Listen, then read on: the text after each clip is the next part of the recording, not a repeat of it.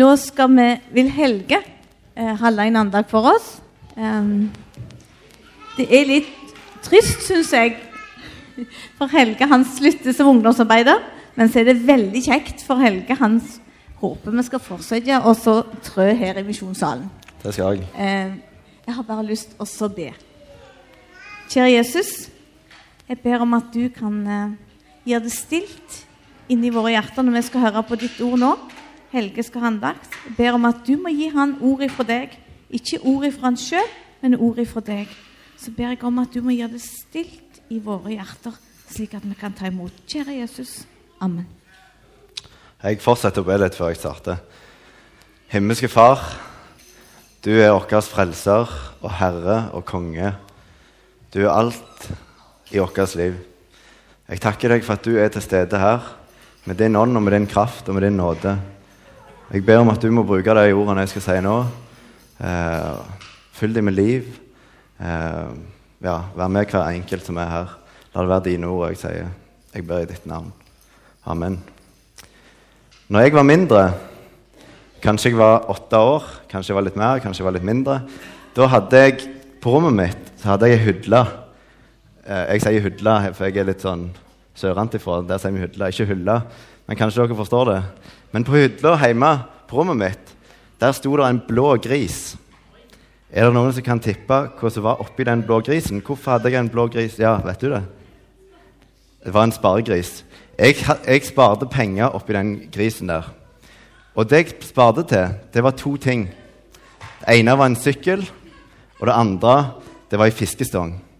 Og det var en veldig stor dag når jeg hadde fått så mange penger i den blå grisen min at jeg kunne gå til sportsbutikken i Egersund som heter Sporty, og kjøpe meg ei fiskestong. Og jeg husker ennå hun kosta 450 kroner.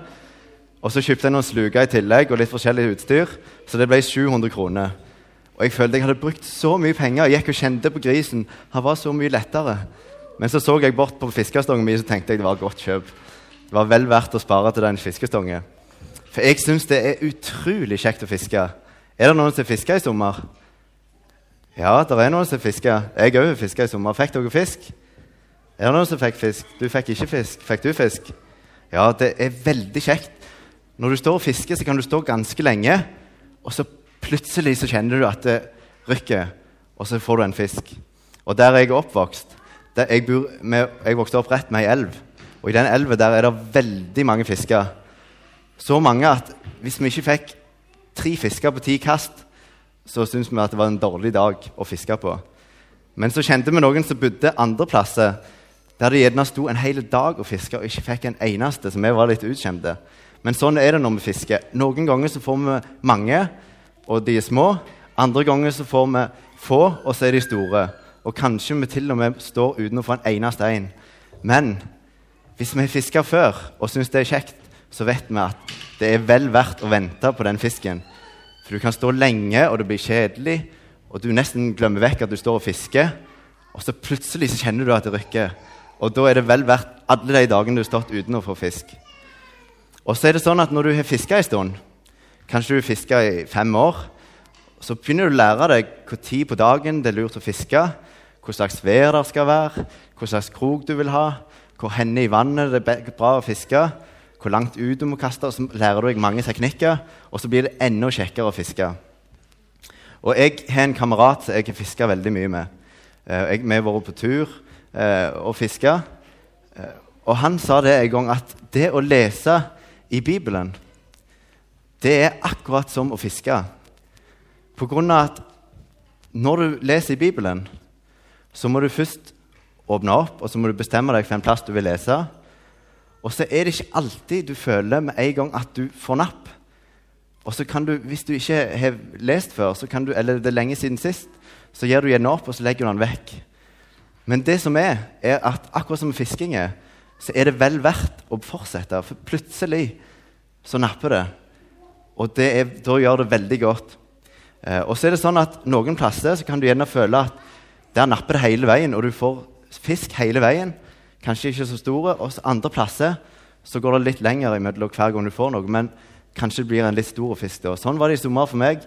Jeg har lest i Gamle testamentet der er det noen store profeter. Og de tenker vi kanskje at det er sånn som vi ikke gidder lese, for det er så tungt. Men jeg leste dem, og så plutselig var det noen plasser der jeg fikk nesten litt sjokk. For jeg var Oi, det hadde jeg aldri trodd skulle stå der. Og så fikk jeg skikkelig napp i, når jeg leste i profetene. Men så er det bare det at når, hvis dere er ute og fisker, og dere får en kjempestor fisk, kanskje til og med så store En laks, f.eks. Det er min drøm at jeg en dag kan få en laks. Men da må jeg fiske i elv der det er laks, og da vet jeg det tar litt lang tid. Og så mye tid jeg ikke har hatt ennå, da. Men hvis dere får en stor fisk en gang, så blir dere kanskje veldig fornøyde. Kanskje dere til og med kommer i lokalavisen. I Egersund har vi ikke så veldig mye å skrive om i lokalavisen, så da er det hver gang Jo da, det er ganske mye. Slapp helt av. Men da, hvis du får en stor fisk, så kanskje du tar et bilde det, og så kommer du i avisen. Når vi leser i Bibelen, så er det med den nappet, den fisken vi får, noe som er utrolig mye viktigere enn fisken, selv om vi ikke alltid føler at det er like spennende å fiske i Bibelen. Men David han var jo konge, og han sa at ditt ord, sa han om, om Bibelen, ditt ord er en lykt for min fot og et lys på min sti. Er det noen her som har prøvd å gå uten når det er helt mørkt? Gatelysene er ikke på, og du ser nesten ingenting det kan være ganske skummelt. Da vet du ikke hvor du skal trø henne, og det blir ganske skummelt. Hvis, får, hvis det kommer en bil for eksempel, med lys, fullt lys, plutselig ser du så mye lettere du kan gå fort igjen. Eller du har ei lommelykt. Da blir det mye lettere. Og så sier David at Bibelen det er som et lys og ei lykt som skinner på vår vei. Og Det betyr at når vi leser i Bibelen, selv om vi ikke alltid kanskje føler at vi får napp, så, kan, så har Gud sagt at det er et lys i vårt liv. Så om vi leser og leser og kanskje ikke alltid føler at vi får napp, så fungerer det allikevel som et lys på veien vår. Så det er ingen av oss, tror jeg, som har lyst til å gå gjennom livet i mørket. På grunn av at vi vil til himmelen, og da vet vi at her er lyset vi trenger når vi skal gå på den veien som fører til himmelen. Og det jeg tenkte vi skulle gjøre i dag, det var at nå skal, nå skal, jeg lese et kapittel i ei bok som Johannes har skrevet. Johannes var jo en av disiplene som fulgte etter Jesus. Og Han hadde sett på alt det Jesus gjorde. Og så skrev han ned noe til oss som ikke fikk følge etter Jesus når Jesus levde for 2000 år siden. Så tenkte han at det var litt kjekt at vi skulle få noen ord som kunne fungere som lys, eh, og som fisker som vi kunne få på kroken når vi fisker i Bibelen. Så nå tenkte jeg at jeg skal lese et kapittel fra 1. Johannes brev, kapittel 1. Og så kanskje når jeg leser nå, kanskje det er noen av dere som får napp eh, og kjenner at dette var noe som jeg trengte å høre. Skal vi lese fra 1. Johannes kapittel 1. Det som var fra begynnelsen, det som vi har hørt, som, det som vi har sett med våre øyne Johannes hadde jo sett Jesus med sine egne øyne det som vi betraktet og våre hender rørte ved, om livets ord. Og livet ble åpenbaret, og vi har sett det, og vitner og forkynner dere livet, det evige, som var hos Faderen og ble åpenbaret for oss. Det som vi har sett og hørt, det forkynner vi for dere, for at også dere kan ha samfunn med oss. Og vårt samfunn er med Jesus og med Hans Sønn Jesus Kristus. Dette skriver vi til dere for at deres glede kan være fullkommen. Og nå må dere høre. Og dette er det budskap vi har hørt av ham og forkynner dere. Gud er lys, og det er ikke noe mørke i ham. Dersom vi sier at vi har samfunn med ham, eh, men vandrer i mørket, da lyver vi og gjør ikke sannheten. Det tror jeg må lese en gang til.